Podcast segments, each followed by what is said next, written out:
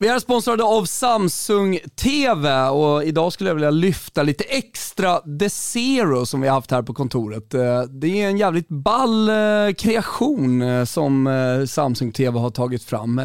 Jo men vi hänger mycket på sociala medier och nu för tiden så gillar man ju att spegla upp sin telefon på sin skärm.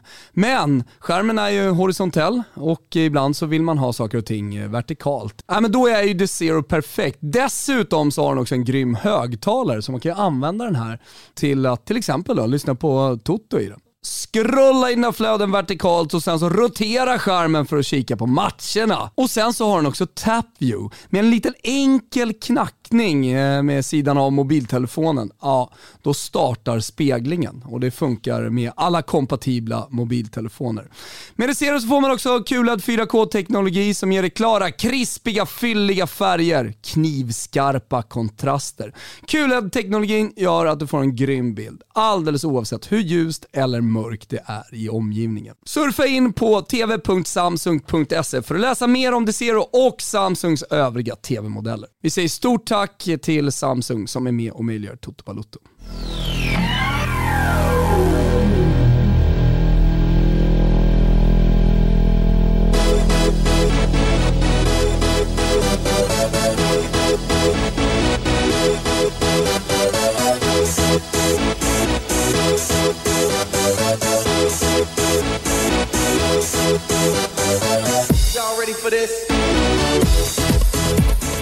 Morsning, korsning, välkomna ska ni vara till Toto Balotto. Det är måndag den 28 juni och vi är mitt i åttondelsfinalspelet. När vi senast hördes så hade Sverige precis eh, vunnit grupp E, man hade lagt Polen på rygg, alla hade varit oroliga förutom Don Hassebacke.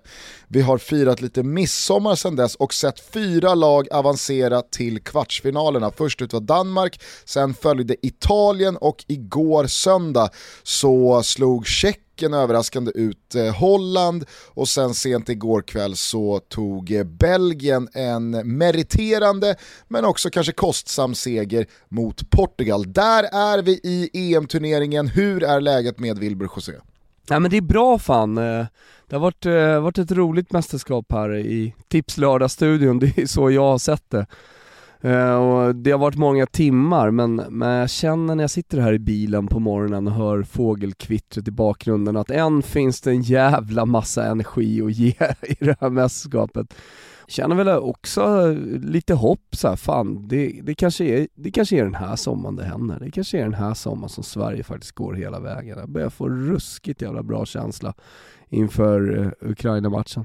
Ja, för det ska vi komma ihåg, det är ju inte bara det här läget vi är i med tanke på vad som har hänt, utan vi är ju också i ett läge att Sverige spelar sin åttondelsfinal imorgon tisdag mot Ukraina. Och nu vet vi mm att det kommer stå Tjeckien eller Danmark på andra sidan i semifinalen som Sverige har på sin sida slutspelsträdet. Jag vet, jag vet, det är först ett Ukraina att slå och sen så ska man brotta sig vidare mot vinnaren av England-Tyskland som spelar ikväll. Men som du säger, alltså det börjar ju så smått växa och gro en känsla inom en som känner att ja vad fan, alltså den här chansen kommer ju inte var, varannan månad. Nej, jag säger inte att vi bara leker oss vidare från uh, Ukraina-matchen men... Men, men gör vi inte det? Nej, kanske. Det kanske är det jag säger Gustav. Nej, jag tar tillbaka alltihopa. Vi, tar, vi leker oss som... vidare mot Ukraina. Det är bara jag som känner att den här C-gruppen, alltså med Holland, Nordmakedonien, Österrike och Ukraina, verkar vara ganska kass. Ja, och sen gjorde ju Österrike en jävla bra match mot, uh, mot Italien. gjorde de det? Alltså, gjorde de det då? Jag vet, så här, om man kollar på den första halvleken, för det är lätt att, liksom att fastna i Burchans andra halvlek eh, när, när, när Italien går lite fysiskt, eller om det är mentalt eh, på knäna, men den första halvleken är ju en total slakt. Alltså, alltså, total dominans, jag har aldrig sett någon ha en spelare i fickan som Bonucci hade Arnautovic i fickan i första halvlek. Hade han inte några bra räder? Alltså Arnautovic gör ju en bra match alltså. Och sen, och så här, ah, bra match, men jag pratar första halvlek. Ja. Alltså, jag minns fan att... inte vad han gjorde, men jag tycker väl att hela Italien, alltså återerövringen var ju totalt desperat. De tappade, tappade bollen, liksom, det skulle bara tillbaka. Jag tyckte det, jag tyckte det var, jag tyckte det var sån slakt.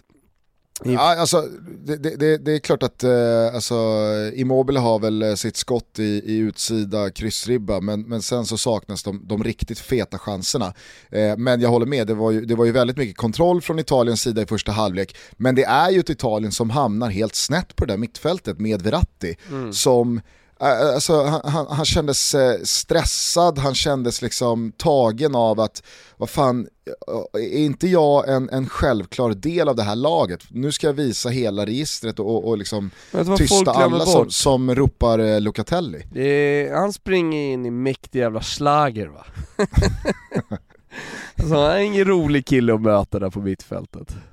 Nej, Gregoric. Men, men, men håll med om att det blev en sån uppenbar skev balans på det där italienska mittfältet och kanske framförallt rollfördelning sett till hur de första två matcherna, som är de två matcherna som har liksom vittnat om Italiens eh, högsta nivå i den här turneringen, såg ut. Nej, men framförallt i den andra halvleken, återigen, alltså man kan ju verkligen dela upp den här matchen i, i, i, i två olika delar som såg helt olika ut.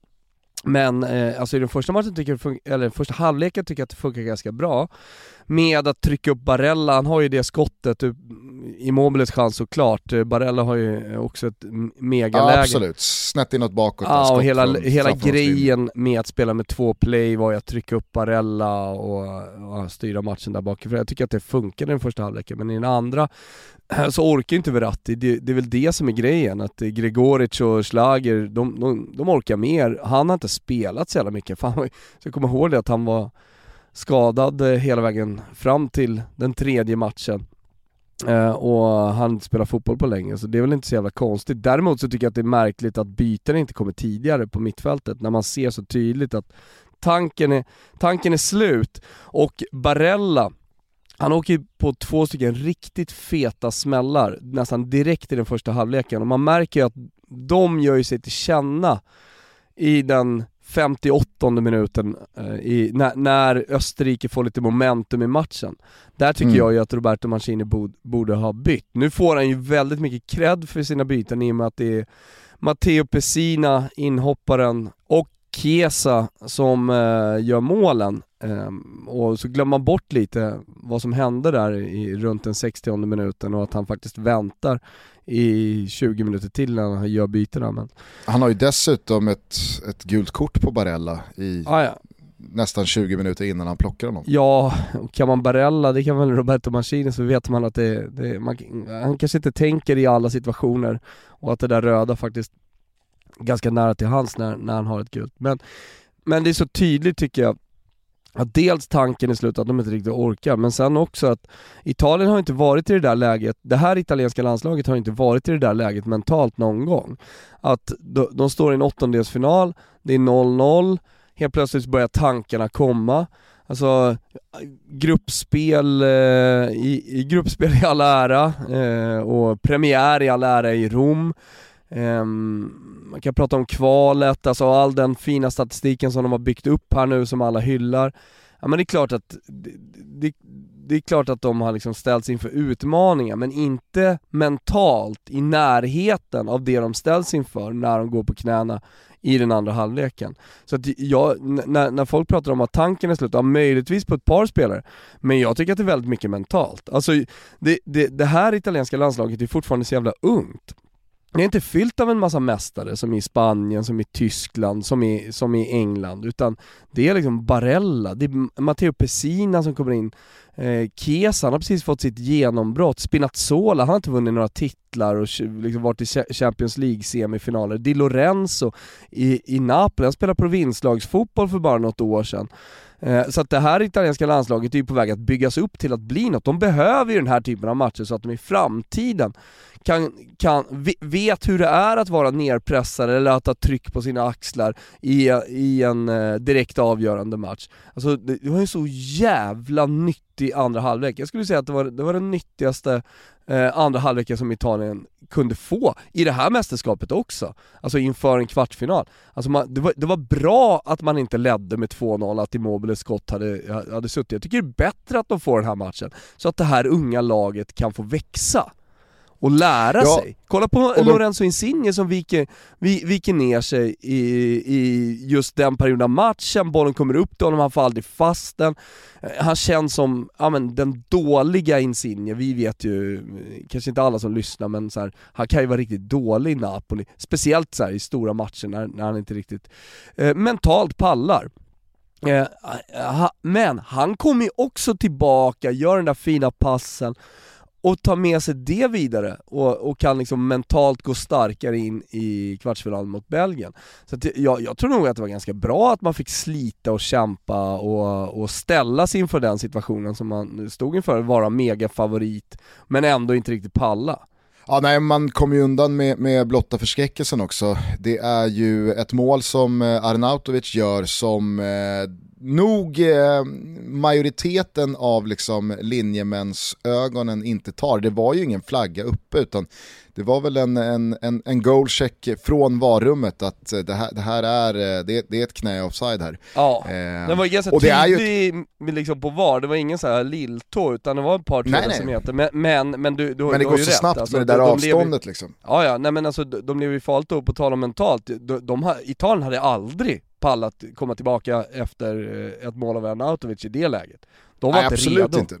Och det är ju inte ett Österrike som i det läget är uppe eh, via en slumpfrispark får ett mål och, och, och eh, iscensätter en smash and grab, utan det är ett Österrike som växer in i den här matchen. Och det jag sa initialt att, ja men hur, hur, hur dålig är egentligen Grupp C? Det säger jag väldigt mycket med blågula ögon i något slags här hopp om att Ukraina är sämre än vad vi nu ska måla upp dem till med hjälp av Lasse Jakobssons scoutrapporter. Mm. Eh, jag tycker Österrike är riktigt bra i, i den här andra halvleken, framförallt som du är inne på så vinner de i någon slags fysisk men också mental match. De växer ju in i den här matchen i takt med att Italien växer ur den, eh, i alla fall över, över ordinarie tid.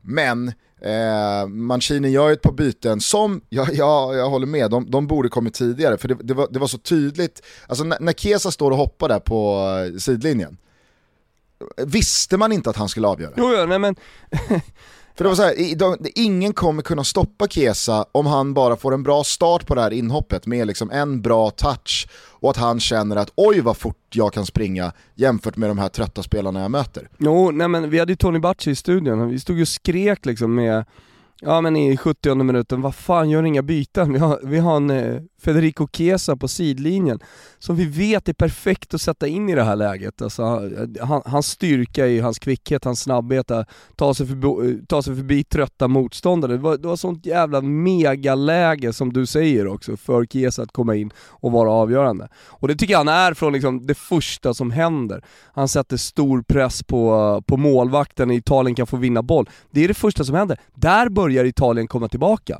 De vinner bollen högt för första gången i, i andra halvlek, det man gör hela tiden i den första.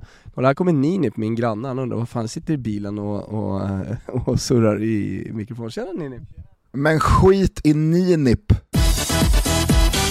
Vi är sponsrade av Circle K och nu är det Blippa bilen-tävling. Vad är då Blippa bilen? Jo, Circle K är första drivmedelsbolaget i världen som kommer ha den här typen av lösning på hela kedjan. Vad är det för någonting då? Jo, Blippa bilen är egentligen i grunden en väldigt enkel eh, tankningsrutin och betallösning.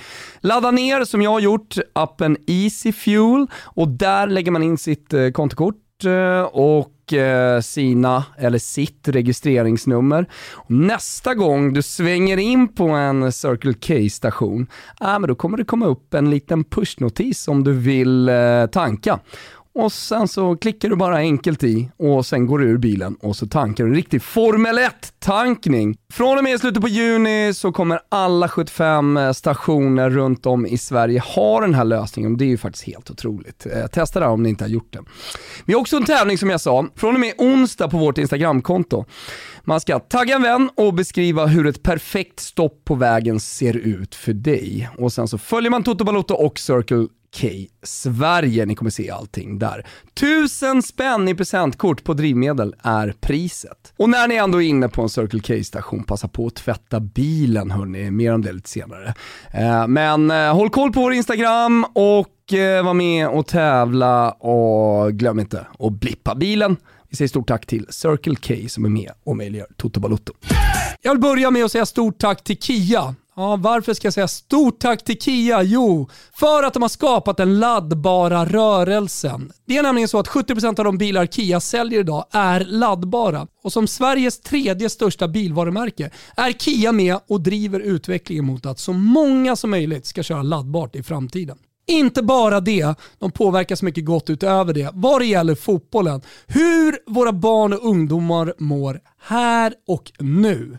Kia har ju ett samarbete med Kosovare Asllani, vissa har hört spottarna tidigare, men jag vill verkligen förtydliga och förstärka hur viktigt arbetet är som Kia och eh, Kosovare Asllani gör tillsammans. Nämligen att jobba mot att alla barn ska få spela fotboll på lika villkor. Att alla barn ska få känna sig inkluderade och framförallt känna glädjen kopplat till fotbollen. Kia och Kosovare har tagit fram Aslani-kontraktet och det är, som namnet antyder, ett kontrakt med utgångspunkt i barnkonventionen. Som idrottsföreningar i Sverige kan skriva under där man förbinder sig till att låta alla barn, flickor och pojkar spela fotboll på lika villkor. På barnens villkor, inte de vuxnas. Idag är det över 150 föreningar som redan har skrivit under Asllani-kontraktet på kia.com. Så om du som lyssnar på det här och spelar i en förening, kanske är verksam i en förening eller bara är förälder till ett barn som är verksam i en förening, så tycker jag att du ska säga till din ordförande i klubben, Nej, men nu, nu har vi hållit på med det här några veckor. Alltså gå direkt på ordföranden i föreningen och säg till att du vill att de ska gå in på kia.com och skriva under Asllani-kontraktet. Använd då argumentet väldigt enkelt att du vill, precis som Kia och Kosovare Asllani, att alla barn ska ha samma rättigheter att spela fotboll och det handlar om lika villkor och att alla ska få känna sig inkluderande och känna fotbollsglädjen. I slutändan så påverkar det hela fotbollsrörelsen hela vägen upp till landslaget. Vi säger stort tack till Kia för det stora arbetet ni gör för en mer inkluderande fotboll och för all del, för fotbollsglädjen. Men okej, okay, jag har två frågor till dig angående oh. Italiens eh, vidare turnering här. Mm -hmm. eh, har någon slags eh, opinion eh, tagit plats eh, i, i Gazettan eller övrig medial rapportering om att oj, vi kanske inte är så bra som vi skrev upp oss till under gruppspelet, eller är de på ditt eh, spår att det här var nytt nyttig seger som bara kommer stärka oss och kanske har gjort oss ännu bättre på 120 minuter. Nej men jag lånar väl den eh, känslan och den analysen lite av Roberto Mancini som efter matchen just pratar om det. Eh, först tänkte jag, vad fan, vad är? Ska, ska det här Italien gå upp mot Belgien eller Portugal? Det kommer de ju aldrig riktigt palla. Sen så såg jag Belgien-Portugal, vi kan ju återkomma till det kanske sen, eh, blev inte speciellt imponerad av något av lagen. Eh, tycker, tycker inte att tempot är där, jag tycker inte att eh, de här eh, världsspelarna är så jävla bra. Eh, alltså så överlägset bättre än de italienska spelarna.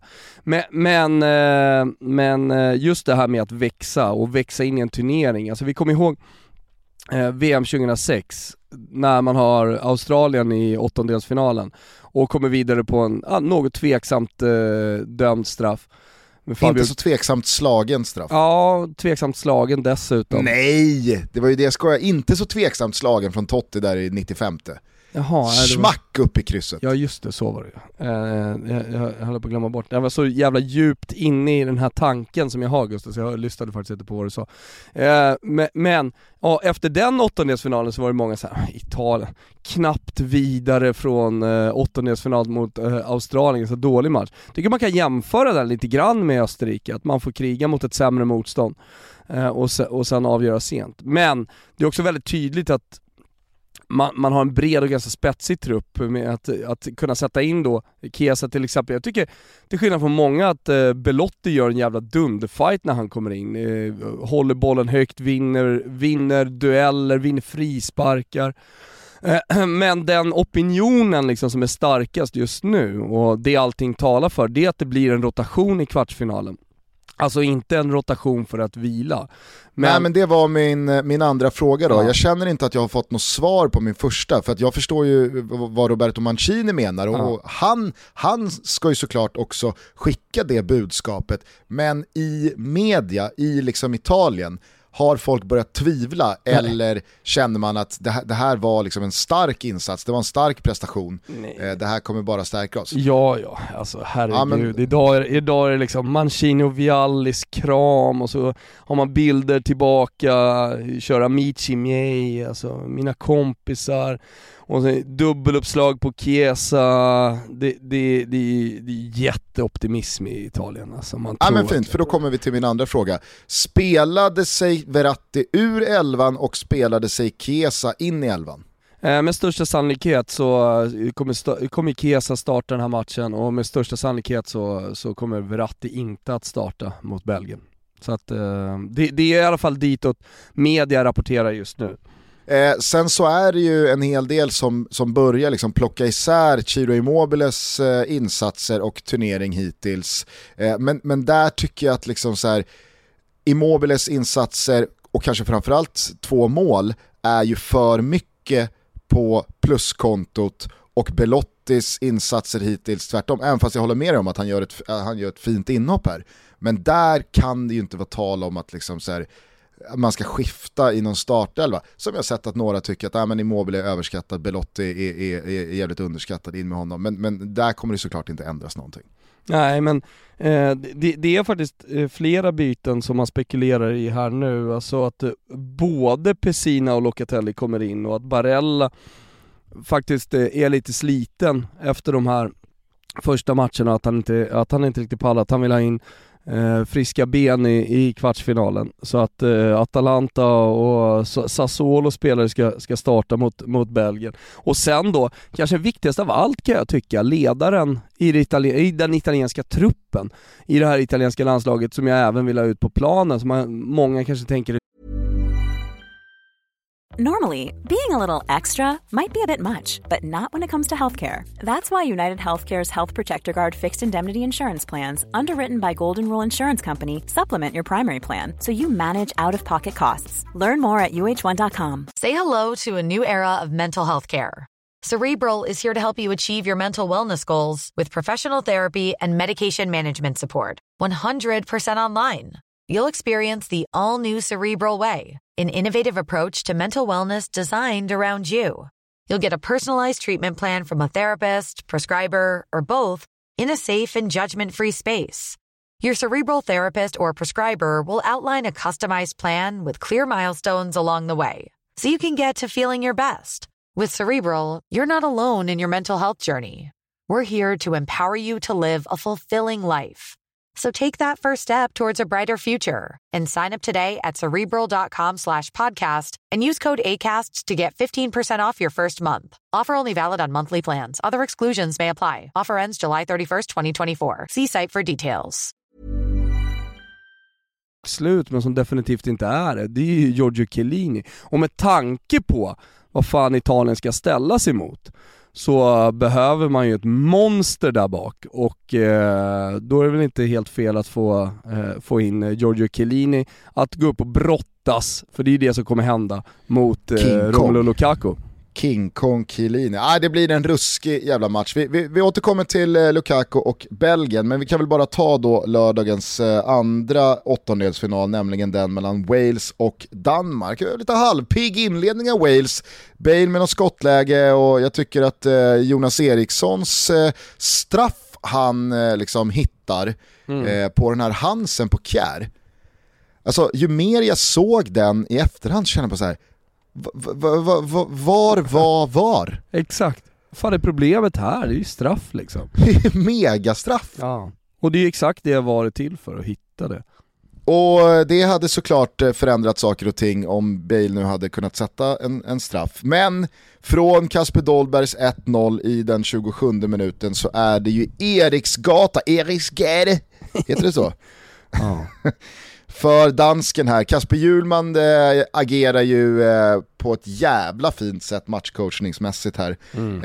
Äh, skiftar från 3-4-3 till 4-3-3 och ja, men att, att, få en sån där sen framtvingad ändring längst fram när det har varit problemet. Alltså Jonas Wind börjar ju den här turneringen. Jag tror, jag vet inte om, om liksom Danmark har rapporterat om det medialt, men jag tror att Jonas Wind blev så jävla påverkad av Christian Eriksen situationen att han inte har liksom, han har inte repat sig från den.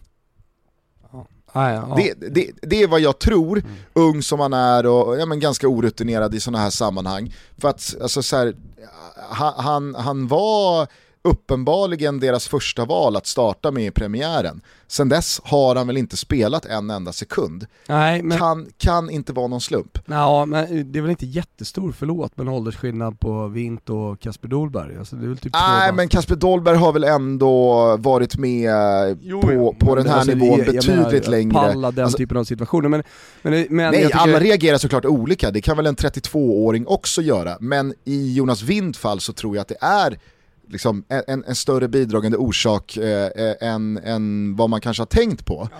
Eh, och sen så behöver väl inte det komma med Dolbergs rutin, jag säger bara att ja. jämfört med Jonas Vint så har ju Kasper Dolberg gjort ganska mycket mer. Ja. Eh, jag, jag har ingen aning, men, men, men, det är ju fingertoppskänsla i alla fall att hitta Dolberg och hitta den starten Eh, och så som han kommer in, så inspirerad han är. Men, men, men alltså just det här med sund konkurrens om positioner tror jag alltid är så jävla nyttigt. Eh, och det, det, är klart man vill ha stjärnor in i laget som är, som är helt givna och det ska, det ska finnas i ett lag, men, men alltså den energin som Kasper Dolberg kommer in med, den är helt, den är otrolig. Så jag tycker han är så jävla bra i den här matchen. Och, och ja, nej men, och, och, och det, det, är flera spelare som, som man måste lyfta i, i det här Danmark. Alltså, jag, jag, jag tycker att eh, fan Martin Braithwaite förtjänar... Alltså, Gör han, han har, det? För han får inte till det. Nej men han har tagit avslut och han har tagit avslut. Får inte men till en touch alltså. jag älskar älskar spelare som inte liksom börjar fega ur och släppa enkla sidledspassningar istället för att försöka igen. Då får man väl bli utbytt då om, om tränaren bedömer att nej, vet du, du har inte. Du har inte den här matchen eller de här dagarna eller de här veckorna. Och så plockar man honom. Men Braithwaite, han har fan ångat på. Han har tagit de där avsluten. Till slut så lönar det sig. Joakim Mähl, herregud alltså. Det är, det är någon överjävlig turnering han gör hittills alltså. Ja, han, han, är, han är ju jättebra. Många danska spelare som är bra här, men jag tycker, jag tycker ändå att Braithwaite i den här matchen, han får ju fan inte till en touch. Alltså larma om du lever kände jag lite grann med, med Braithwaite under den här fighten. Sen är det ju klart ett förlösande mål som kan göra hela hans mästerskap. Han kanske är bäst på planen i, i eh, kvartsfinalen mot Tjeckien. Jag men, säger inte att han har silkestofflorna på och är han fantastisk. Fan, eh, han har ju lånat Burchens pjäxor och lagg i den här fighten. Alltså, han jag inte, imponerades han får inte, han får inte bara... mer än boll. Jag imponerades bara av hans liksom så här, nej men på igen bara. Jo, ja, igen bara. Jo, det finns inte så jävla mycket att göra heller i det här läget för att det bara gnugga. Men jag tror att det är ett sjukt jävla viktigt mål.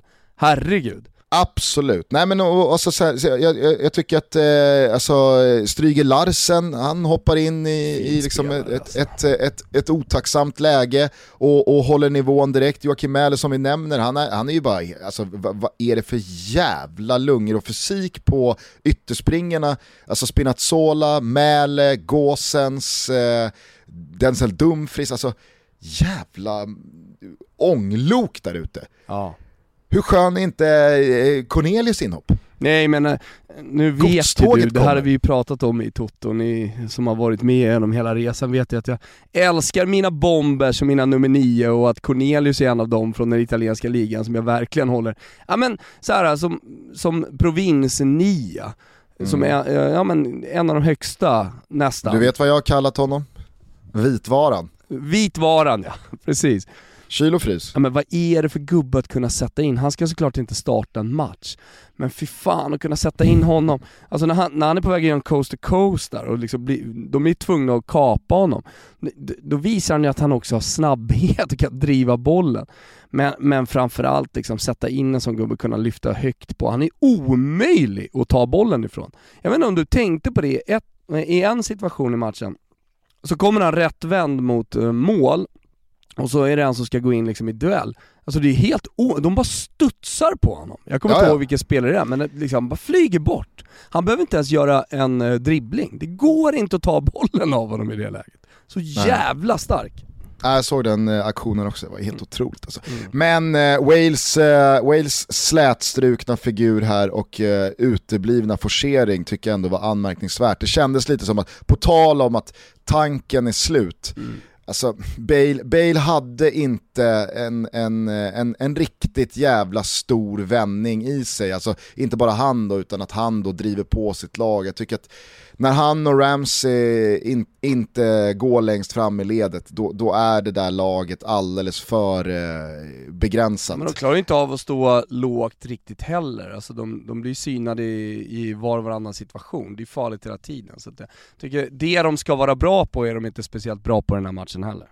Nej, och visst, nu, nu eh, gör ju inte Harry Wilson något uh, smickrande inhopp i och med att han går in och, och, och, tar ett rött här i slutet när, när det är avgjort. Men jag, jag förstår faktiskt inte hur uh, Rob Page inte startar en enda match med Harry Wilson.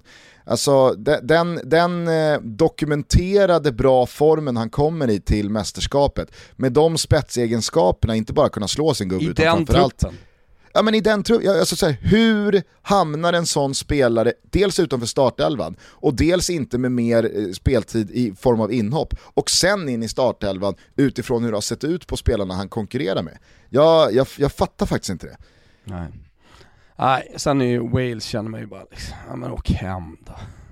Ja men faktiskt, ja. åk hem Wales, vi tackar er för ert eh, medverkande den här gången, det blev inget 2016. Jag är absolut inte glad för Danmarks skull, men jag är lite trött på det här ojandet över att Danmark har fått en sån lätt resa i den här turneringen när de bara har behövt tre poäng i gruppen och sen så får de Wales i åttondelsfinalen och nu väntar Tjeckien. Alltså så här, hade Danmark kommit trea, ja men då är det något annat. Men nu kommer man tvåa och det är så det faktiskt kan gå till i fyra lagsgrupper att man kommer tvåa på tre poäng. Att det blir Wales, ja, det, det, är inte heller Danmarks fel, men det är väl klart att det, det är anmärkningsvärt eh, att eh, man, man står i, i, kvartsfinal mot Tjeckien. Eh, å andra sidan så, så liksom vill jag verkligen understryka att jag unnar Danmark ingenting gott här. Jag tyckte, eh, det var väl Oshin Cantwell på, på Twitter igår som, på, jag, var, jag, var, jag var ju bara tre år den sommaren så jag minns inte det. Men att han då påminde om den största skamfläcken i svensk fotbollshistoria. När vi efter uttåget i semifinalen eh, 92 då i hemma-EM skrålade med i vi rör vi vidare och höll på Danmark. Ja, nej, men, alltså det sitter djupt i mig, det är fortfarande en tagg. Jag hatade det då var vansinnig på den tiden, förstod ingenting.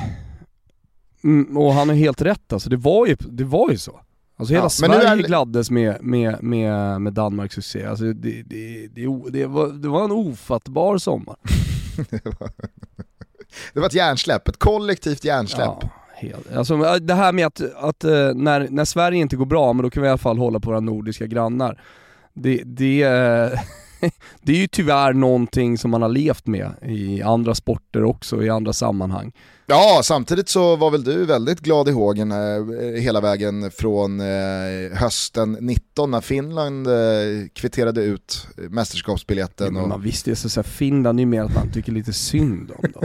Låt finnarna vinna lite fotbollsmatcher ändå. Sen har ju, sen har ju liksom många fin, man har ju ändå många finska vänner, för Niklas Niemi står ju i, i våran eh, tipslördag, EM edition studio titt som tätt. Det, det är klart att man liksom kan känna med en granne på det sättet. Men det är ju en jävla skillnad att så här, ja men vad kul för Finland att ta sig till ett mästerskap för första gången någonsin. Då håller man ju fortfarande dem hierarkiskt under sig. Ja. Skillnaden är att man helt plötsligt flyttar då Danmark över sig. Och, och i, i känslorna liksom byta lag, det går ju inte, snälla rara. Nej, men samtidigt så är jag glad att läget är som det är för att jag, alltså, jag tvivlar inte på Sverige. Så jag, jag har en ruskigt god känsla i kroppen och är det något lag jag vill slå i en semifinal så är det ju dansken.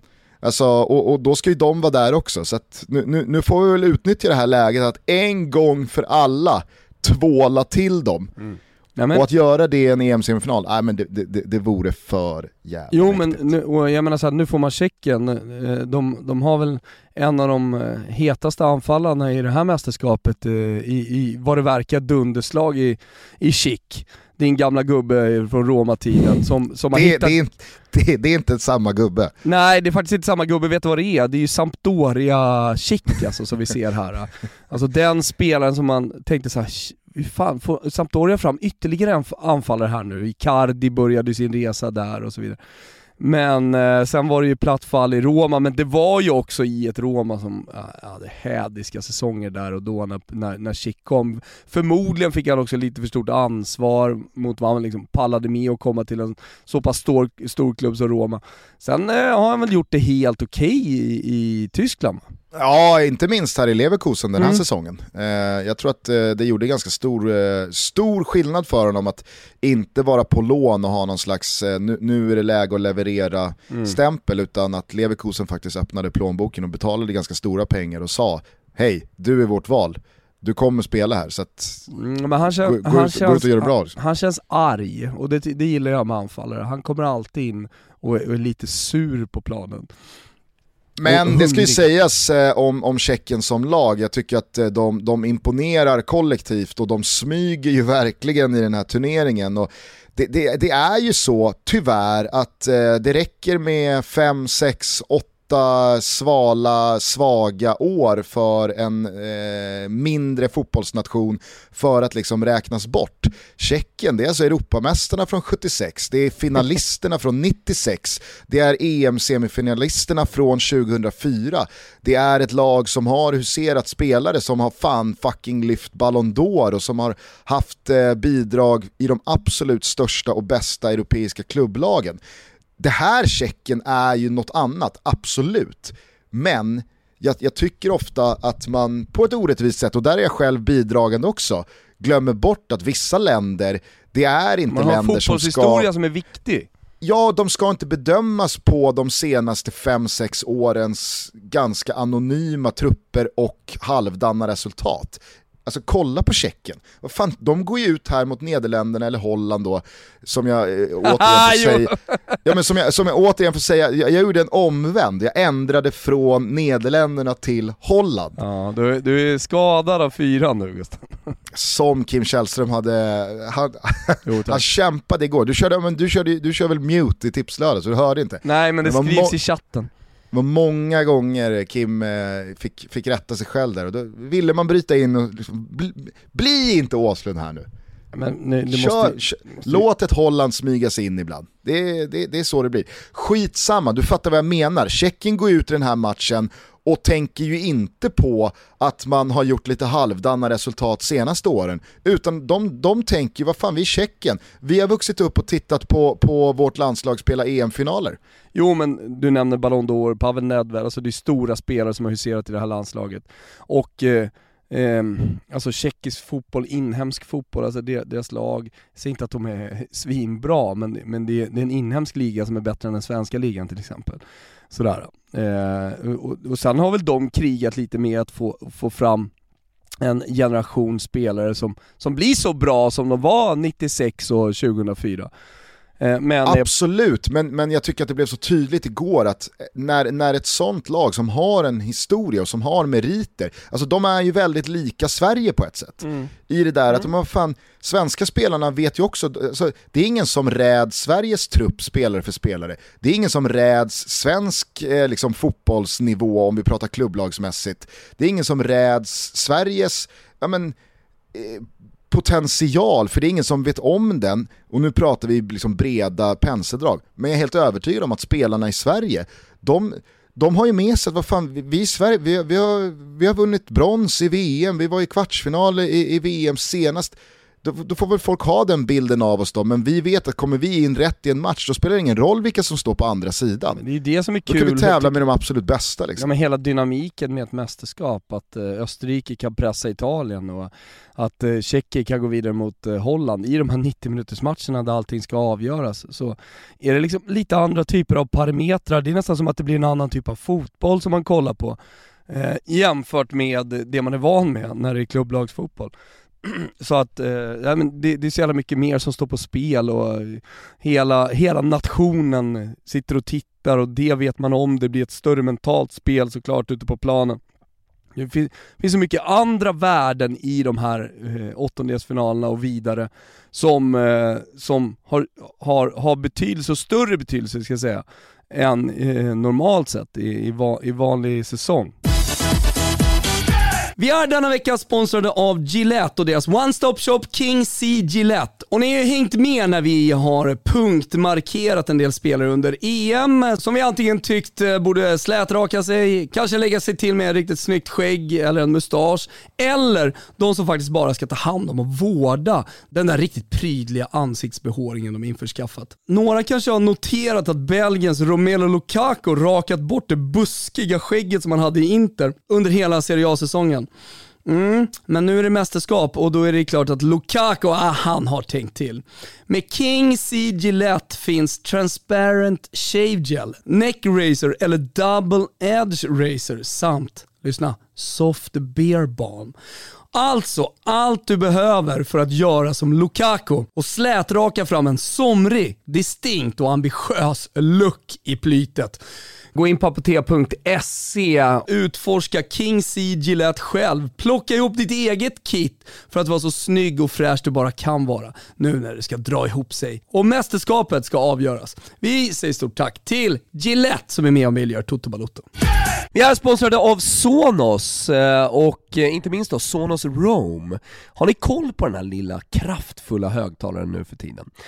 Det är alltså en högtalare som man enkelt kan ta med sig precis var man vill och spela musiken eh, med bluetooth eller wifi. Man kan också dela musiken till sitt system, alltså som man redan har Sonos ljudsystem så kan man då dela det med Soundswap. Sen är det så här, och det skulle jag verkligen vilja slå ett slag för. Alltså Sonos, det betyder enkelhet. Jag har installerat systemet hemma, eh, jag har adderat min Sonos Roam till mitt redan eh, befintliga ljudsystem hemma. Allting sker väldigt smidigt. Men hörni, eh, missa inte nu deras nya högtalare som man kan ta med sig över allt. Den väger knappt 0,5 kilo, den är stöttålig, jag slängde ner den i poolen här. ja, den är vattentålig ner till typ en meter eller någonting sånt. Eh, så att eh, den är lite rolig att ha med sig nu under sommaren när man badar mycket och så vidare. Eh, surfa in på sonos.com, läs mer om Sonos Roam, en otrolig liten högtalare. Vi säger stort tack till er för att ni är med och möjliggör Toto Balotto. Vad gör du av Hollands eh, uttåg då? Hur Nej, men- stor eh, missräkning tycker du att det är? Ja, nej men det är givetvis en stor missräkning. Alltså, de, de är megafavoriter mot, mot Tjeckien. Så, så, men, men det är alltid, alltså bjässar ska, ska falla, skrällar ska hända. Det, så- är det i mästerskap, det vet vi. Så är det alltid i mästerskap. Och på tal om så här Danmarks väg, ja men de hade kunnat fått Holland-Tyskland på vägen till en eventuell final. Alltså här, nu vann Tjeckien över, över, över Holland. Exakt. Det, det är därför de möter Tjeckien, men uppenbarligen då så har de förtjänat att vara i den här kvartsfinalen. Jag menar, skulle Sverige stå där i en semifinal så kan man ju tycka att vad är det för jävla väg? Ja men då, då, då ska ju ett eh, England eller Tyskland ha brottats ner i en kvartsfinal. Jag menar bara att visst, på pappret så hade den kunnat sett eh, eh, Ja men det kan se olika ut då, eh, Danmarks väg. Därför blir det lite löjligt att prata om det. Sen är det ju... Absolut. Men eh, vad, vad, vad gäller eh, Hollands uttåg så måste jag, alltså visst, man, man ska ge det till eh, Tjeckiens förbundskapten Chilavia som har gjort ett ruskigt jävla hemläxejobb med hur man tar bort eh, Memphis Depay eh, och, och Wijnaldum eh, ur den här offensiven. Denzel Dumfries, han dundrar ju på där ute till höger. Men eh, när eh, Matthijs DeLigt gör den där eh, Hansen som han gör. Och det är verkligen, alltså så här, det, det, det är fan vilket aktivt beslut det är. Då kände jag bara, nej, alltså de Ligts Hanser, det är som Luis Suarez bett. Det är någon jävla tick han har alltså. Han kan inte kontrollera, han, det är som att han måste göra det. De här, de här Hanserna från Juventus-tiden. Jag såg för få matcher med liksom Ajax i Eredivisie under eh, de Ligts första säsonger där. Men det finns säkert lyssnare som, som hör det här som kan, eh, som, som kan påvisa att han gjorde det även i Ajax-tröjan. Alltså, håll med mig om att det, det Nej, snarare jag, jag tycker ser det är en bra ut som... jämförelse med bettet. Ja, det, det ser snarare ut som liksom en tvångstanke. Mm. Att så här, äh, nu, jag, jag bara gör det. ja men det, det, det, det, är anmärkningsvärt, vi som har sett honom i, i Juventus, alltså vi, vi har sett de där Hansen så många gånger. Juventus-supportrar blir vi så trötta på det ja. likt efter ett tag. Och jag fattar att sådana där kan dyka upp om man liksom eh, tror att eh, jag kan klara mig undan här för att eh, det, det, är ingen som kommer se det här. Både när det kommer till bett, även fast jag inte liksom stöttar det, jag tycker, alltså, det, det vet många som, som hör här. St Luis jo, Suarez. As a person with a very deep voice, I'm hired all the time for advertising campaigns. But a deep voice doesn't sell B2B, and advertising on the wrong platform doesn't sell B2B either. That's why if you're a B2B marketer, you should use LinkedIn ads. LinkedIn has the targeting capabilities to help you reach the world's largest professional audience. That's right, over 70 million decision makers all in one place. All the big wigs, then medium wigs, also small wigs who are on the path to becoming big wigs. Okay, that's enough about wigs. LinkedIn ads allows you to focus on getting your B2B message to the right people. So, does that mean you should use ads on LinkedIn instead of hiring me, the man with the deepest voice in the world? Yes. Yes, it does. Get started today and see why LinkedIn is the place to be to be. We'll even give you a $100 credit on your next campaign. Go to linkedin.com slash results to claim your credit. That's linkedin.com slash results. Terms and conditions apply. Betten, fy fan ja, men Luis Suarez jävla bett. Jo fast alltså, jag, jag, är väl den som har varit, liksom, varit, varit, varit tydligast med Nej, hela snuskigt några WhatsApp-grupper så skriver du hela tiden. Det är med de där betten. Men de här, han, alltså, de, de, de här eh, liksom handsituationerna på delikt, att han liksom drar någon rövare, men med VAR så kommer det där alltid upptäckas. Men det är som att han har gjort det där för många gånger under uppväxten, att det sitter för djupt rotat i ryggmärgen. Det bara kommer som jävla reflex. Det är lite som Cristiano Ronaldos reflexer att ta sig mot ansiktet när någonting sitter i bröstet eller tar på axeln. Tycker, jag, ja, men jag tycker i, del, i de lägena, i och, med, i och med att det händer så ofta, det är också ett tick som, som, som han har. Alltså så fan varna honom då. Om man håller på på det där sättet. Jag, jag vet inte, jag, jag tycker inte det, det, det, det, det är ingen grej man man kan, kan jämföra med... Jo med... men det, jo, jag tycker, jag tycker vi, här kommer bollen, jag tar den på handen. Här kommer en, här kommer en axel, jag ska bita den jäveln. Och här får jag en smäll, här får jag en smäll på axeln, då jag ska ta mig för ansiktet. Ja, det, det, det är i alla fall anmärkningsvärt att eh, Delikt återigen är eh, inblandad i en sån här handsituation. Det blir oerhört kostsamt, eh, men Frank de Boer, han får ju ta på sig väldigt stor del av hur han attackerar då den, den, den kvarvarande återstoden av ordinarie klocka det är ju ett par eh, ruskigt tveksamma insatser på individuell nivå vid det där 1-0 målet, Daley Blind, Steklenburg och så vidare. Ja, ja. Men eh, jag tror ju att förlusten i sig svider minst lika mycket som vetskapen från, från holländsk sida att här fanns det, på tal om då slutspelsträd och resor fram till en final, här fanns ju en chans som förmodligen eh, inte kommer komma sådär jättemånga gånger igen. Eh, Belgien-Portugal eh, då, Eh, gårdagens sena tillställning och kronjuvelen i helgens åttondelsfinaler. Eh, jävla intensiv och eh, hetsig eh, slutdel av eh, den matchen det blev. Ja, en fin forcering från Portugal får man säga, även om den hade kunnat varit betydligt bättre också, om de hade kunnat varit lite kyliga. Framförallt så behöver man väl inte ta avslut från 25 meter när det finns passningsalternativ, när det finns bättre lägen att hitta. De blir lite för desperata eh, i jakten sista kvarten, men ändå då så vaskar de fram det, dels den här nicken, som kanske förtjänar ett bättre öde, skottet i stolpen, men det är ändå inte så Eh, som Cristiano Ronaldo säger till eh, Courtois efter matchen. Att såhär, vilket cool vilken jävla tur ni hade. Eh, idag ville inte bollarna in. Jag lämnar i alla fall inte den matchen med, med känslan att oj oj, här var ett ah, bombardemang, eh, Belgien ska vara glada för att ha överlevt det och gått vidare. Nej, jag håller inte heller med i liksom den, den, den, kollektiva åsikten om att Belgien gör en svag insats. Alltså, jag tycker, jag tycker Jan Andersson hade en jävla liksom, eh, relevant invändning på den här ja, men kritiken som riktades mot eh, Sveriges insats eh, och deras statistik och siffror hittills i turneringen, att de har lägst bollinnehav och de har eh, sämst passningsprocent och så vidare. Att matcherna också artar sig på ett sätt som gör att Sverige inte har bollen överdrivet mycket, att motståndarna de möter måste spela med en helt annan risk och en helt annan desperation och flytta fram positionerna. Alltså Sverige leder matchen mot Polen efter en minut. Polen men, måste vinna matchen. Men, Klart att det präglar också de återstående 89 minuterna. Men sa, så sa länge vi inte Sverige det har... i Toto här senast? Det var väl då liksom analysen vi la efter jo, gruppspelet? Absolut, jag menar bara att jag tycker att Janne hade då, alltså när, när han... Han fyller i där med, efter Totos analys. han, han har väl lyssnat och, och, och känt att ja, jag, jag, jag Där har du vägen att gå medialt. Nej, men det, det, det, blir ju lite samma sak för Belgien här, de får 1-0 i slutet av första halvlek. En halvlek som jag tycker är ja, men den, den, är, den, är, den är väldigt, väldigt jämn. Jag tycker Belgien är mycket bättre än, än, Portugal första 20. Sen så gör Fernando Santos ett par korrigeringar, trycker upp sina, sina vingar och så är Portugal laget som ja, men kanske på, på ett annat sätt kontrollerar andra halvan av första halvlek. Men sen när, när Belgien får 1-0, ja, men de går ju till halvtidsvila, de kommer ut i andra halvlek med ett resultat, med en fot i kvartsfinalen.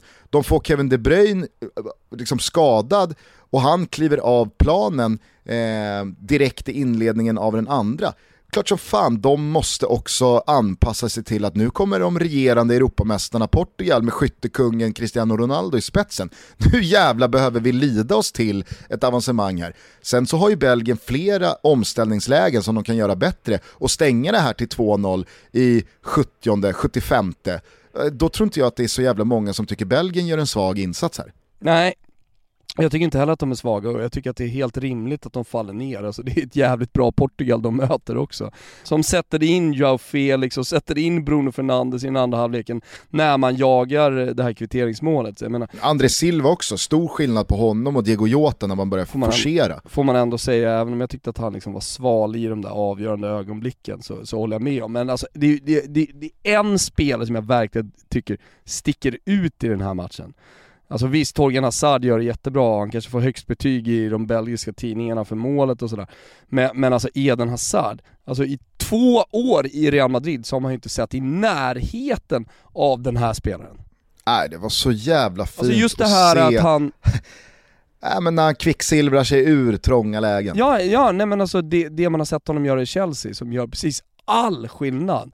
Jag menar om man dessutom i en kvartsfinal sen och kanske i en semifinal kan spela på samma sätt och hitta Lukaku, alltså när han har krånglat sig ur de där svåra lägena och, och börja använda sin fot också som hans kanske främsta vapen ja men, alltså, då, då, har vi, då har vi mycket mer Eden Hazard att, att njuta lite av under det här mästerskapet. Sen är det frågan om man spelar, alltså nu är ju kamp mot klockan, både för Kevin De Bruyne som fick eh, anken söndersparkad av Palinja, alltså, vad är det för match då för övrigt? Han ska ju vara utvisad. Ja, eller som, fan vad jag återgår till Jonas Erikssons eh, ja, säg i, i SVT-studion.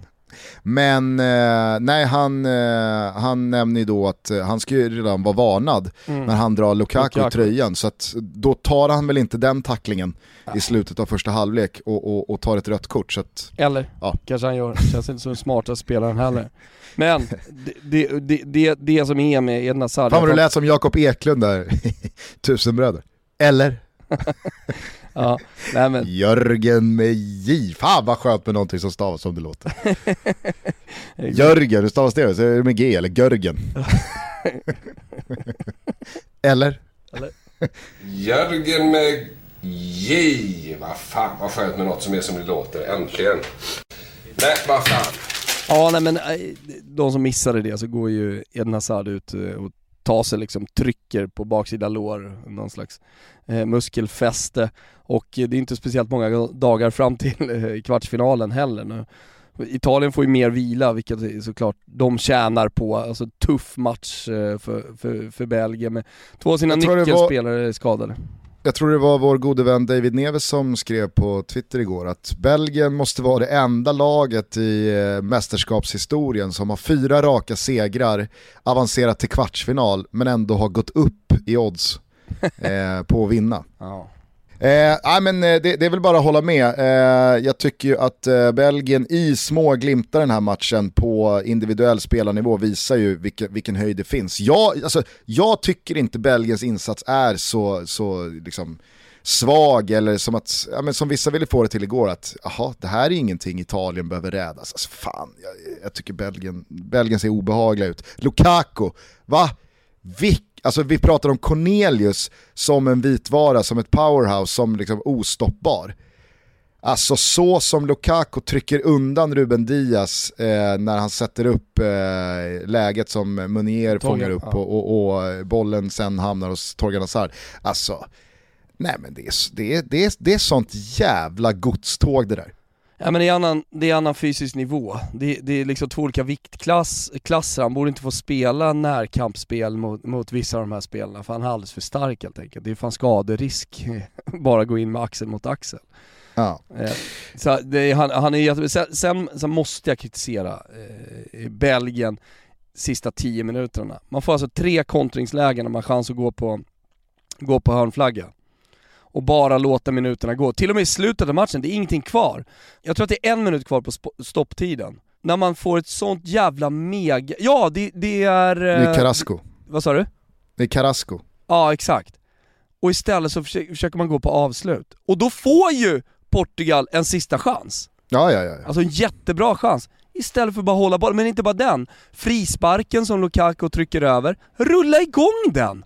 Ja. Varför sätter han inte bara ner bollen och rullar igång den bollen? Eller det läget när, när Lukaku också har megaläget att springa bara mot hörnflaggan, och han springer in och skjuter över. Här, men... Ja, och sen så har väl både han och Carrasco ett läge där när eh, Carrasco eh, Dessutom, så, söker avslutet men blir av med bollen. Blir av med bollen och får kontring på sig i, i, i ett jätteläge, man bara kan hålla i bollen man ser ju det på Fertongen och Aldevereld och Fermalen och Courtois där när eh, Carrasco har eh, tappat bollen och missat passningen i slutet där. Alltså som de tappade på honom. Nu, ja, ja. får det fan vara nog! Ja nu får det vara nog, vi orkar inte med en till våg av portugisisk eh, offensiv här. För övrigt så är det en backlinje som man kanske kikade lite och kände, fan ska de här klara det, det absolut bästa eh, motståndet. Alltså att, att Belgien är bra från mittfält och framåt, det, det håller ju alla med om, men det, det, det är lite, lite för mycket för tången liksom, av den där trebackslinjen. Men eh, de gör det ju faktiskt jättebra. Verkligen, Nej, så jag, jag, tycker inte att man eh, ska, ska göra sig allt för lustig över den eh, trojkan. Eh, det, det, finns ganska mycket rutin och erfarenhet där och jag tycker att man gör, gör klokt i att låta Fermalen spela centralt och droppa mm. av lite. Han ska inte ta onödigt många dueller. Eh, men eh, visst, det, det, det, är inte, det är inte samma kaliber där som i offensiv riktning.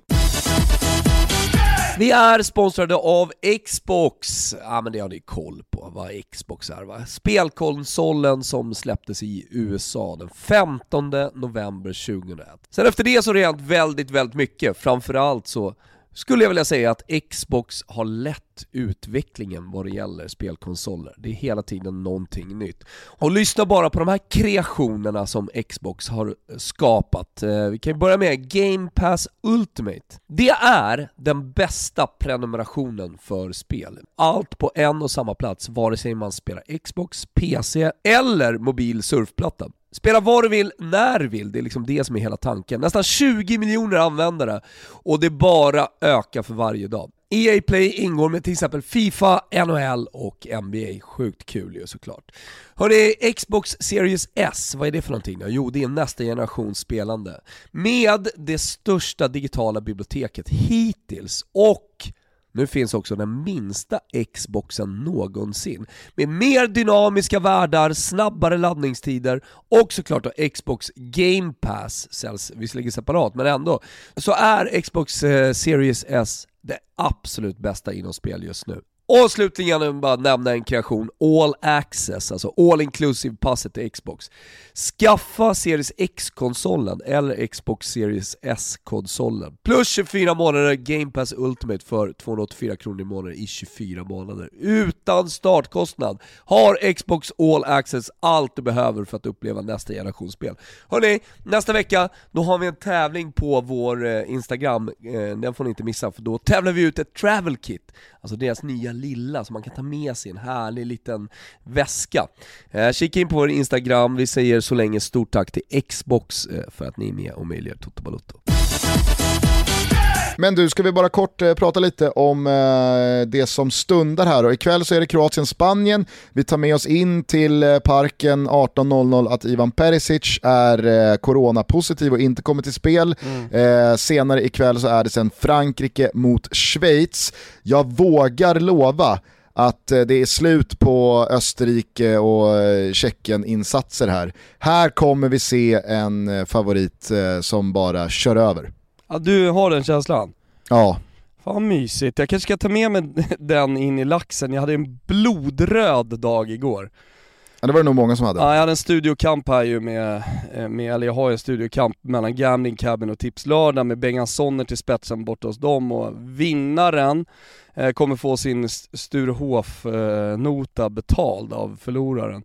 Och eh, visserligen hade Bengan lite tufft igår också, men eh, jag behöver ju, jag behöver ju lite, lite tankar. Kan du inte liksom bara fylla på det där lite? Jag behöver, jag behöver feeling i den här matchen Gusten. Ja, nej, jag, jag, jag, jag, alltså jag vet inte vad du säger, men jag är inte alls eh, imponerad av eh, Schweiz hittills. Jag tycker att eh, deras Turkiet-insats, alltså det, det är minst lika mycket Turkiet som är utslagna och tappar huvudet och bjuder på ytor och bara låter, liksom, låter det där rinna iväg som sminkar över Schweiz nivå tycker att eh, Schweiz insatser mot eh, Wales och Italien, det, det är de eh, jag värderar och där är det inte bra. Sherdan Shakiri i sina bästa stunder, absolut en spelare som kan göra skillnad. Men utöver det så tycker jag inte någonting egentligen har imponerat med Schweiz. Och så ett Frankrike däremot som, ja men de, de, de vinner dödens grupp men ändå så känns det som att de inte har, de har, de har inte fått med sig egentligen någonting. Det har inte varit någon stolpe in, det har inte varit eh, liksom, eh, insatser på en individuell nivå från Kylian Mbappé, från Griezmann, från ja, men de, de här spelarna som på, på, på sitt eget sätt kan göra stor skillnad. Tycker man visar i andra halvlek mot Tyskland vilken oerhörd nivå det finns när man har ett resultat att spela på. Så att, ja, jag, jag, jag, jag ser också att det finns lite bryderier på den här vänsterbacksplatsen, men vad ska det spela för roll mot Schweiz? Ah, jag kan inte köpa det. Men Så Lu- Lucas gör- Hernandez skadad, det är det du pratar om. Gör, ja Vad- Lukas Digne, Lukas Digne är också skadad, så Exakt, att det, det, det kan väl bli Rabiot på vänsterbacken. Men jag, jag, Det jag är, tror- behöver inte vara dåligt. nej det behöver faktiskt inte vara dåligt, och jag tror i synnerhet, alltså jag bygger hela min, min, min känsla på att Kylian Mbappé är mållös. Att gör Frankrike första målet här, då är jag helt övertygad om att tillräckligt många världsklasspelare i det här laget vill sätta sin prägel på eh, det här franska mästerskapet och också bidra med mål. Så att eh, jag, jag, jag bara vet att det här slutar med en, eh, en, en slakt. Ja men eh, vet du vad jag gör nu, medan vi pratar? Nej. Jag går in och spelar 350 kronor i laxen, minus ett, Asian Handicap till 2,20. Tar det lite långa linan här, hör vad du säger gubben. Oj, oj, oj, oj, oj, oj. Minus ett. Du, två, tjugo. Det är ehm, för bra. Kroatien-Spanien då, vad är din känsla där? Eh, ja, jättesvår känsla alltså, visst jag ser att eh, Ivan Perisic är out men, men om det är någonting jag ska försöka hitta så är det väl att Spanien ändå eh, kanske växt in i det här mästerskapet nu, att de har fått självförtroende. Alltså problemet mot Sverige och eh, mot Polen var väldigt mycket offensiven också, fått självförtroende i den. Det är ju trots allt jävligt bra spelare där framme så att, eh, ja, ja, ja, jag tror nog på Spanien ändå. Jag eh, är lite extra peppad på eh, matchen i matchen mellan Sergio Busquets och Luka Modric.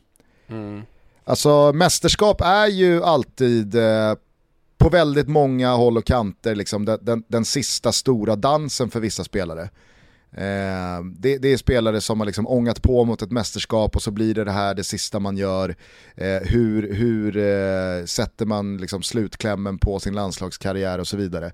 Nu har väl Luka Modric annonserat att så länge Kroatien vill att jag ska spela så kommer jag spela. Det, det, det kan nog mycket väl bli så att han ångar på även efter det här mästerskapet. Men det känns fint med en sån här match i matchen på ett innermittfält mellan två gamla rävar som har varit med så länge som Busquets och Luka Modric. Alltså de känner ju varandra också från så många år i La Liga med alla El Clasicos. Alltså, det är Nej, fan, jag, jag, jag, kommer ha, jag kommer ha extra fokus på den mittfälts, eh, mittfältskampen ikväll. Nej men jag håller med dig Gustav, så är det. Eh, avslutningsvis då, vi vänder blad till imorgon tisdag. Innan Sverige möter Ukraina så är det England mot Tyskland på Wembley. Något av de här lagen ska lämna redan i åttondelsfinalerna. Min magkänsla säger att det hade varit mer rimligt, alltså nu om vi, om vi, om vi pratar då med alla ingångsvärden inför den här turneringen så hade det väl varit rimligt ifall Tyskland hade gjort det så nersnackade som de var mot hemmafavoriterna England som skulle gå hela vägen och så vidare. Men efter det här gruppspelet, Englands gruppseger till trots och Tysklands nöd och näppepinne mot Ungern, så känner i alla fall jag att, alltså, för, för mig så är, så är det här helt eh, öppet. Ja, ja, Ja men det är, väl det, det är väl kanske det man måste känna då, att det, att det är helt öppet. Har du någon liksom känsla för vilken match vi, vi har framför oss här? Ja men, jag tror jävligt mycket, alltså, den här typen av match, jag tror, jag tror mycket på ställningskrig. Alltså, jag, lite kanske som man såg eh, Belgien mot Portugal också, att eh, så kanske inte jättesprakande eh, och, och, att lagen kliver, alltså kanske rädslan dominerar ändå matchbilden och, och, att man känner på varandra. Men eh, alltså när det är med de här, med stornationer, alltså då ska man glömma bort vad som har hänt i gruppspelet lite grann. Och, mm, alltså det, det är nu det börjar. Eh, och jag menar, vi såg Portugal, alltså när de vann, när de gick hela vägen, vann ju bara en match över 90 minuter. Eh, så, så ja, man ska, man ska passa man ska... sig för att räkna bort i alla fall jag tror inte heller man ska underskatta det faktum att både England och Tyskland vet inför matchen imorgon att vinner vi den här matchen, då kommer vi spela final. För att vi pratar jävligt mycket slutspelsträd när det kommer till Danmark och när det kommer till, till, till Sverige. Men England och Tyskland vet ju att vinnaren här får Sverige eller Ukraina i en kvartsfinal och vinner vi den så får vi Tjeckien eller Danmark i en semifinal.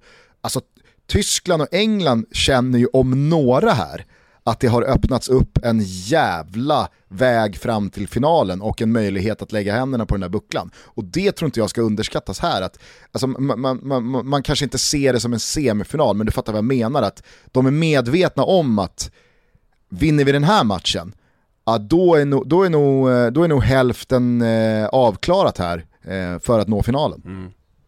Ja, nej, men så så, så, så, så kommer, de kommer vara megafavoriter eh, i, i alla matcher fram till, eh, fram till finalen. Eh, så, så givetvis eh, så har man hamnat på, på, på rätt sida det här trädet. Eh, men men eh, ja, jävla, jävla åttondelsfinal ändå man, man hamnar i både för England och för Tysklands del. Ja, det får man säga. Ruskigt intressanta startelver också att vänta med tanke på hur, hur mycket bekymmer det har funnits i det tyska laget och hur mycket rotationer det har funnits i det engelska laget. Det känns som att, alltså hade, hade jag ställt upp de här två lagen eh, i, idag med, med ett drygt dygn kvar, man, man, kan, ha, man, kan, ha, man kan ha åtta fel ja. på de 22 gubbarna. Ja. och så brukar det ju inte vara på den här nivån med de här länderna. Så verkar det inte vara inför eh, Sveriges åttondelsfinal mot Ukraina, utan där verkar det snarare handla om att bekräfta spelare som startade förra matchen. Ja, fast eh, Kulusevski tar väl sen ändå in i den där startelvan va? Kanske något byte ja, Kulusevski är väl den som ligger närmast av alla att ta sig in. Men det var direkt efter matchen så var det ju snack om, ja men tre Mm, skiften i alla fall inför, inför eh, åttondelsfinalen. Men, men det är väl, det är väl Kulusevski som ska in då? Ja. Eh, jag kommer att prata ytterligare om det här med Jimmy Durmas och Kim Källström i, i, idag. Eh, vi öppnar studion på TV4 och Simon mm. 20.00 ikväll här inför Frankrikes åttondelsfinal mot Schweiz. Men redan igår så snackade vi om det här, Kulusevski vara eller icke vara i startelvan. Och det jag tog med mig från det, det var att båda de spelarna, som har, alltså de, de har ganska många års rutin från landslagsspel och mästerskapsspel och laguttagningar och inhopp och, och dagsform och så vidare. Alltså båda, det, det, det går inte att inte starta Dejan Kulusevski här. Det går inte att sätta sig ner med honom och motivera för honom varför han inte ska starta. Det är ingen spelare i det läget som bryr sig om att ja, men jag, jag, jag kan hoppa in sista halv. Han har ju gjort det nu och visat varför han ska starta. Kim Källström sa det i studion igår också, jag menar alltså addera en timme på Dejan Kulusevskis inhopp från Polen så kan vi få 95 minuter eh, mot Ukraina vad kan hända på 95 minuter om det där kunde hända på, på 35 minuter? Mm, nej men jag håller med, eh, alltså, det är bara att starta honom, alltså, den formen som han visade. Eh, att han är den hungern han har. Eh, Sverige är ju inte ett landslag som har råd att, att ställa den, den klassen utanför en startelva. Vi har inte råd Nej. att göra det. Vi, vi, är inte, vi är inte Italien som, kan, som ändå kan ha Federico Chiesa på bänken. Nu, kan, nu har inte de råd att ställa, ställa Federico Chiesa, de är lite i samma läge där eh, vid, vid sidan. Eh, men Sverige har definitivt inte råd att, eh, att låta en, en sån klassspelare sitta på bänken. Det, det... Nej, och prestationsmässigt så går det ju inte heller att liksom motivera varför Robin Quaison eller Marcus Berg ska spela. Nej. Alltså, det, det, är inte så här, okej okay, Kulusevski måste in, men vem ska ut då? För att alla har varit så jävla bra. Alltså Quaison och Berg har ju båda stått för insatser hittills som, som, som gör dem lättpetade. Mm. Jag, jag, tycker det här mer och mer börjar påminna om, inte bara 94-sommaren i stort, utan kanske framförallt, liksom, alltså Kulusevski är Kenneth Andersson. Jag Han är för bra i liksom slag för dagen, att man får helt enkelt bara, alltså, han måste in i elvan. Han måste in i elvan på något jävla sätt. Mm. Eh, det ska bli jävligt roligt eh, matchen men också, och Sveriges match. Och vi har en trestegsraket, alltså stolpe ut nu eh, i, i, i det här mästerskapet, men det är fan dags. Alltså vi fortsätter att gå på Alexander Isak-spåret. Han gör mål, och eh, vi håller nollan och vi vinner på ordinarie tid. Alltså, jag, jag har en jätte, jättegod känsla för den, den totala svenska prestationen mot eh, Ukraina. Det behöver inte ens gå till övertid, utan vi kommer fräscha till en, eller till, till en kvartsfinal ska jag säga. Eh, och eh, vi gör den här eh, trestegsraketen borta hos Betsson. Eh, vi eh, boostar upp den rejält, ni hittar den under godbitar, boostade odds. Tänk på att ni måste vara 18 år gamla och att stödlinjen.se finns om eh, ni har problem. Eh, där har ni i alla fall vår raket inför den här matchen. Eh, har du samma goda känsla som jag inför Ukraina-matchen Gustav? Ja, men jag, jag, jag snackade lite med Micke Lustig igår mm. och efter det snacket så landade jag bara mer och mer i att första målet kommer att avgöra den här matchen pratar vi inte för lite om liksom skillnaden på Ukraina utifrån eh, vilket resultat de, de spelar på? Eh, det, det, det, är sånt jävla humörlag det där. Ja, men jag kör, jag kör alltså, första målen har alltid enorm betydelse i fotboll. Men, jo, men, men när det kommer till spel, alltså, så här, det, som vi snackade om med, med, med Schweiz, eh, alltså, spelare som Granit Xhaka och Sherdan Shakir, alltså, så här, det är ju spelare som, det, det är helt andra spelare i en 2-0-ledning kontra ett 2-0-underläge. Jag vet, det är de flesta, men de flesta spelarna har ju också en förmåga att inte tappa huvudet eller inte ge upp.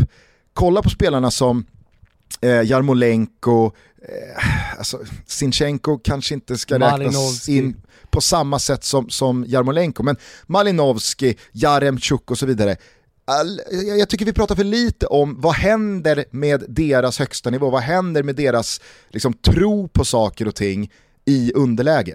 Mm. Jag har ja. sån jävla vibb för att om Sverige bara gör första målet, då blir det här en enkel kväll i eh, ett eh, soligt Rålambshovsparken. Ja, vi får, får hoppas att det blir så. Hörni, fan, lite känsla inför den här matchen också. Eh, vi får in väldigt mycket filmer och bilder på folk som är på plats och folk som sjunger och det är jag min Jan, det är Kanna på. Eh, och ja men det, det, det, det är ett jävla tryck ute i landet, du pratar om 94-sommaren, jag får också den känslan, fick jag 2018 också.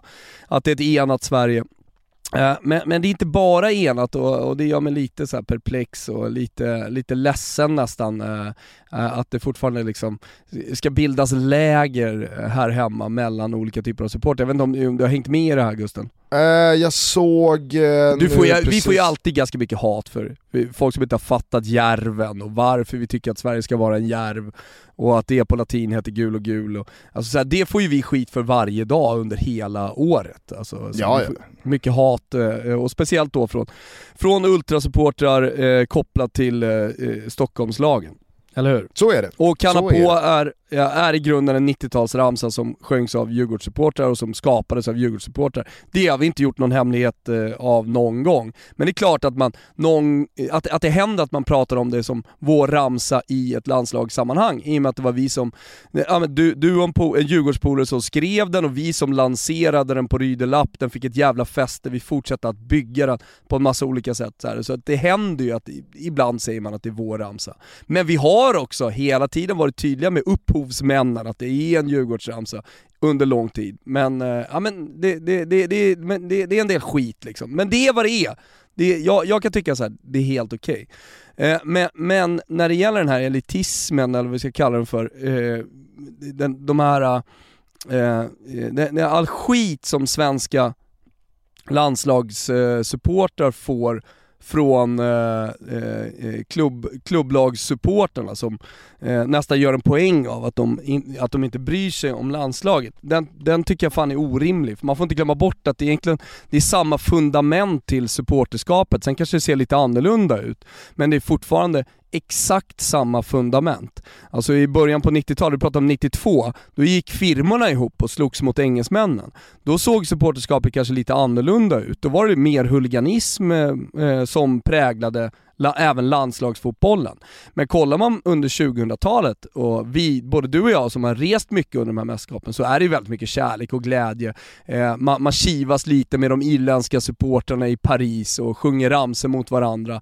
Men, men supporterkulturen präglas mer av eh, kärleken till landslaget än eh, någon slags antagonism mot eh, eh motståndarsupportrarna. Eh, det, det, det, men i grunden, när jag pratar om att det är samma fundament så är det så här, man träffas med polarna, man dricker bärs, eh, man har en stor kärlek till sitt lag. Alltså, alltså de fundamenten kan ju ingen säga att de är annorlunda jämfört med om man håller på Malmö FF, IFK Göteborg eller, eller AIK.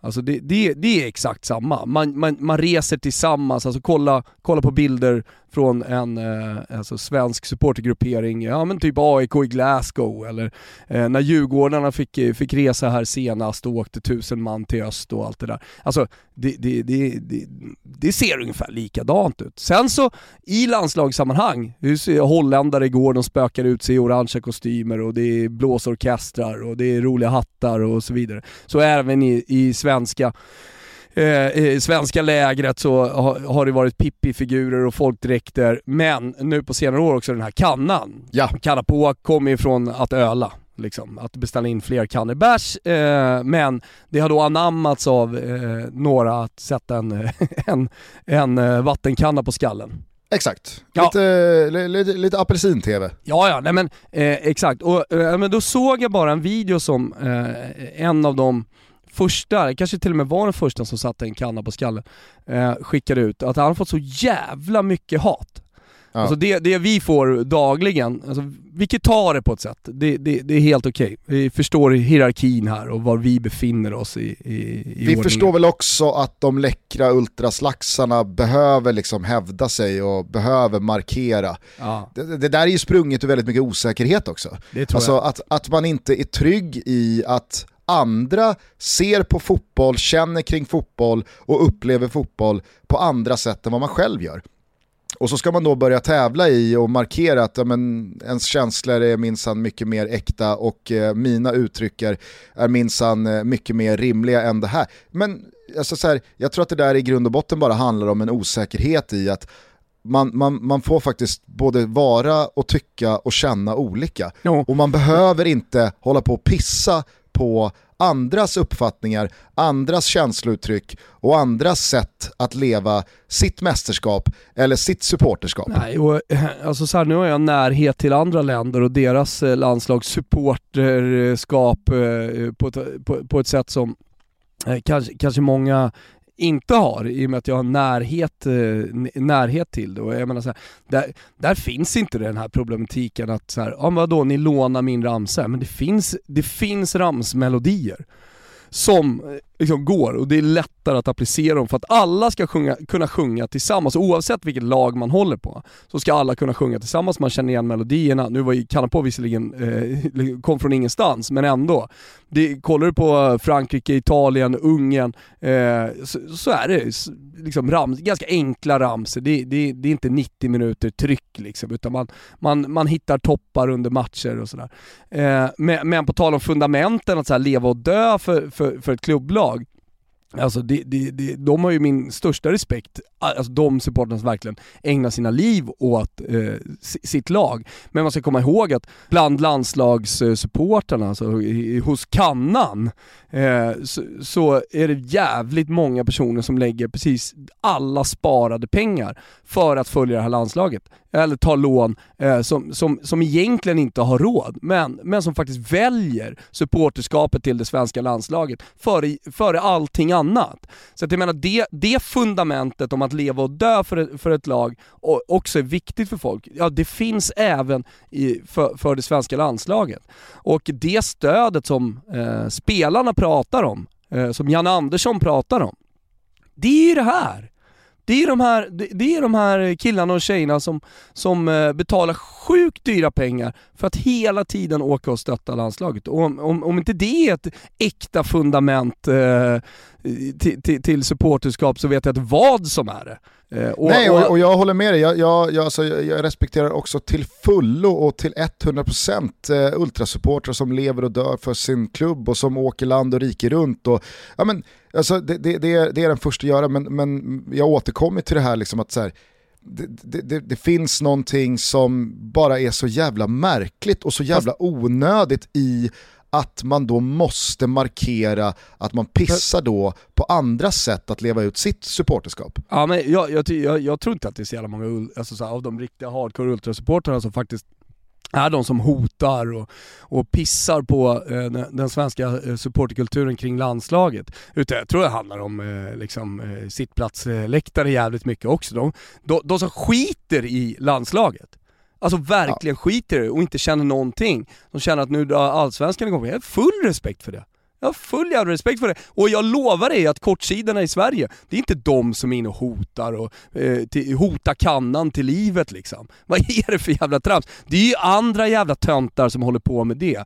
De, de skiter fullständigt genuint i landslaget. Full jävla respekt! Ni, ni lever och dör för era klubblag de är inte inne och, och jiddrar, utan det är ju en massa jävla töntar som är inne och, och, och, och, och, och jiddrar nu med, med, med eh, allt som har med gul och gul att göra till eh, att, att faktiskt hota upp eh, stackars kannan liksom. Nej äh, men precis, för kärnan här då är att eh, Robin tror jag han heter, han som då har eh, den här kannan på huvudet, eh, han skickade ut en video igår Eh, kan ha varit. Eh, mm. där han då, alltså det, det, det, det är känslosamma två minuter och 20 sekunder. Där han då pratar om hur jävla mycket eh, hot och hat han får på sociala medier. Och när det börjar liksom komma till, till, till jävla, alltså hot mot döttrar, ja, men då, då är det som så, så, vad är det för jävla människor? Ja, nej men... Är det för men, jä, alltså, så här, mm. vad, vad, är det ja. för... Vad är det, vad, vad är det Gunvald säger? Halvstympade idioter. Är det det han kallar honom? Ja. Nej men alltså vad, vad är det för jävla IQ-nivå? Ja, jag, tycker, jag tycker Robin gör det sjukt bra, eh, som, eh, som, som sagt eh, spenderar sina surt förtjänade pengar på att stötta det här svenska landslaget och återigen, fundamenten är där. Fundamenten är samma. Men men jag, jag, jag har en jävligt stark förankring i, i, i svensk ultraskultur och känner helt många. Och jag, jag, återigen förtydliga, det, det, det, här, det här hatet och skiten som han får, det kommer inte därifrån. Det, det, det, kommer inte från kategori C-supportrarna eller eh, från, eh, från, eh, från kortsidorna, utan det här kommer från idioter. Det, Det kommer från töntarna. Ja men verkligen, från De töntarna. osäkra töntarna Som gärna vill vara de som står på kortsidan och lever och dör för sitt lag, men som, men, men som egentligen bara sitter eh, hemma och knappar på, på sin, sin telefon. Alltså det, det, det, jag lovar det, det, det är så det ser ut. Som sagt, min Ja, men kanske förankring framförallt- är jävligt stark i precis alla led i den svenska, svenska supporterkulturen. Så Ja, att, eh, kanske det, det, det kan framförallt säga att jag de vet. som, de som åtrår alltså, den där ryggdunken och att få dia tutten av de kategori C-supportrarna de egentligen ser upp till. Exakt. Och då tänker man, då trycker jag till gul och gul och pissar lite på dem öppet på sociala medier. Hotar kanna på Robins döttrar till livet. Va? Mm. Jag Tycker ni om mig nu? Gillar ni mig mer nu? Är jag mer äkta nu? Mm, ta det, Det till de- oss istället, till mig och Gusten. La, langa det hatet hit så ska vi ta det. Jag, jag kan ta det själv Gusten, du kan, du kan, hålla, du, du kan vara utanför här. Ge det hatet till mig istället. Jag tycker också, alltså, även fast du pratar om att det finns väldigt många liknande fundament här, så är ju också en, en, en superrimlig distinktion mellan då supporterskap till ett klubblag i ett land som Sverige och ett landslag i ett mästerskap. Att det blir en folkfest Ja. på ett helt annat sätt under en komprimerad tid i ett varmt land någonstans i Europa eller världen. En gång Man i tiden, ett gäng- 1992, så gick kategori C-supportrarna ihop mot England. Sånt kan också hända. Ja, alltså, vi jag menar är bara att enade, här- som Sverige det, det här handlar ju om en annan typ av fotbollssammanhang än att kuska i minibuss eh, på 15 eller 19 bortamatcher per säsong och åka till, till, till hålor och, och liksom lägga mil efter mil under hjulen på, på motorvägarna, göra liksom det otacksamma kontra då att åka till ett varmt land på sommaren. Samlas kanske 2000, kanske 10 000, kanske 20 000 eller som i Berlin eller vissa andra gånger liksom upp mot 100 000 svenskar. Ja men då är det klart att några kommer spöka ut sig för det tycker man är lite kul, det är väl lite härligt, vad fan. Nej, jag bjuder på mig själv, jag sätter på mig ett par pippiflätor här eller på, eh, vikingahorn. Gustav, eller, vet du vad jag Ja, kände? När du sa Nej. 100 000. Då kom Hassan upp i mig. Det är 100 000 tyska bögar som ska komma. Nej, det är väl en... ja. 10, Ja. 10 000, det är 100 000. Ja men det kan få komma 100 000. 100 000!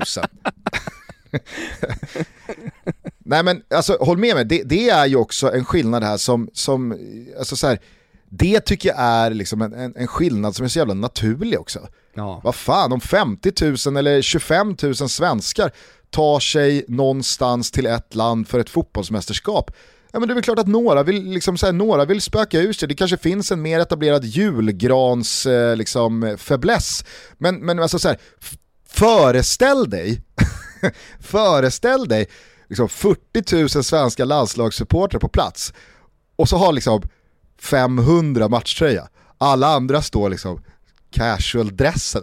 Vad Sjukt, det har inte sett. Ja, men då, måste, då måste det ju finnas en hierarki som i Ungern. Liksom, att så här, ja, men det, vi, vi har en klick här med, med minst tre mord på skallen. Ni kör svarta för att tydligt markera liksom, att här jiddrar vi inte om vi går på stan och så vidare. Det, det är Ungerns svarta tröjor. Så här. Det, det, det, det är väl det enda jag kan köpa. Jo, men det, Men måste men de det, samlas också? jo, men, men om, om, om du hade fått välja, hade du velat ha 40 000 eh, liksom, Om jag hade fått helt välja svartklädda jag- eller bar Uber, eh, där är liksom, vi, vi tågar mot arenan med en anti, liksom, eh, anti-hbtq-banderoll och sen så står vi och eh, skickar rasistiska glåpord och tillmälen ut på planen, homofobiska och sexistiska för den delen också.